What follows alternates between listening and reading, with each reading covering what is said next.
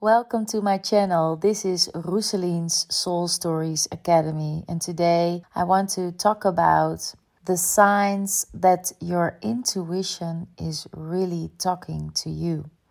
And I get many questions about the difference between intuition and fear. And of course, it's a fine line because how can we know the difference? There's a voice inside your head that is talking to you, but what is it? Is it fear or is it your intuition?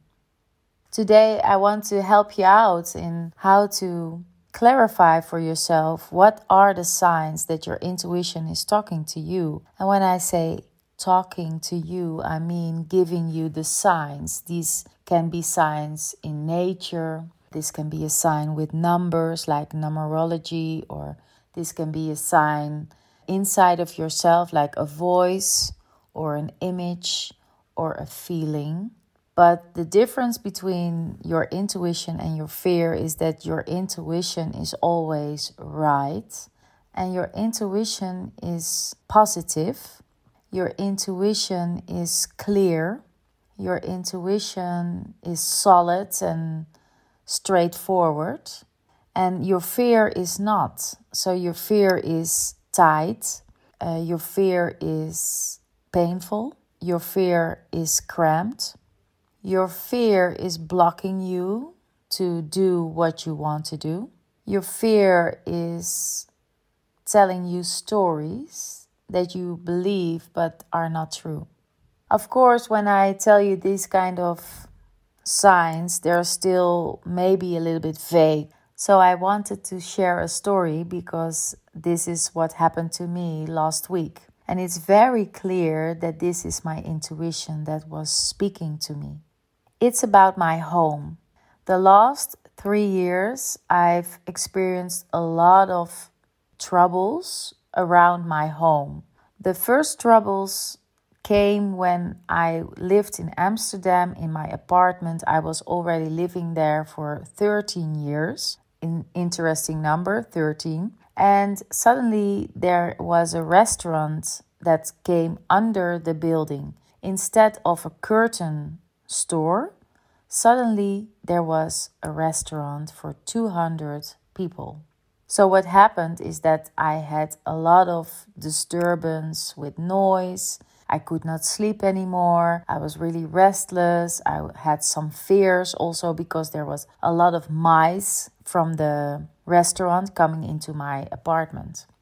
To make a long story short, after two years of fighting with the restaurant and also with Amsterdam and the council, they moved me to another apartment. But of course, it was not really that great. When I met my twin flame, we moved to another village. But because we are now separated and you can see this video, I put a link here on two specials I did about karmic loves, soulmates, and twin flames. When we were separated, I had to move again. And I moved to an apartment in Hilversum. It's a little town. And there it happened again there is a lot of noise, there is a lot of noise going on coming from people, but also there's a lot of bad energy in the building. There's a bad energy in the neighborhood. It's really bad. So, what the universe is telling me is that I have to choose for myself because I already know for five years I have to live in nature. I have to live in a village. I have to be surrounded by nature. I have to live somewhere where I don't have neighbors around me, like really on top of me or under me or next to me. I really have to have a space around me that is full of nature. And I know this already for a couple of years, but always I'm thinking like, well, maybe it's not that bad. I can make it work. But your intuition is always speaking to you very clearly. And the message to me is I want to live on a land in nature, not with people pasted against me, pasted next to me, on top of me, under me. I need to be in a house that is separate, that is free from other buildings. So, what the universe is giving me is a situation where I have to deal again with noise, people, bad energies. My intuition told me I had to go to a village with the name of Voorthuizen. I went there and there was my dream house. I found my dream house. It has all the benefits I need. It is in nature, it is free, it is free from people, it is very lovely building. It is just exactly what I was looking for. So I manifested this house, but I only manifested it because there was a problem. And the problem was I lived in an apartment that was not suitable for me.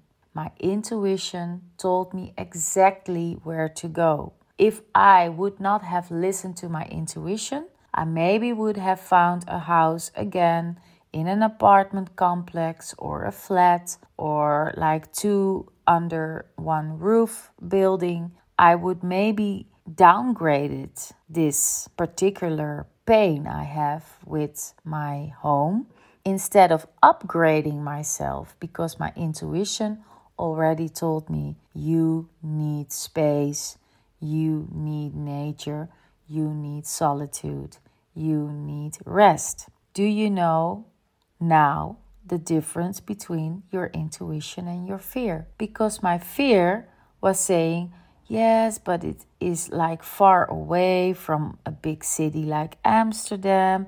Your friends are not going to visit you. You will be alone all the time. There's nothing to do in Voorthuizen. You cannot go to a party in Voorthuizen. But this is the fear speaking to me.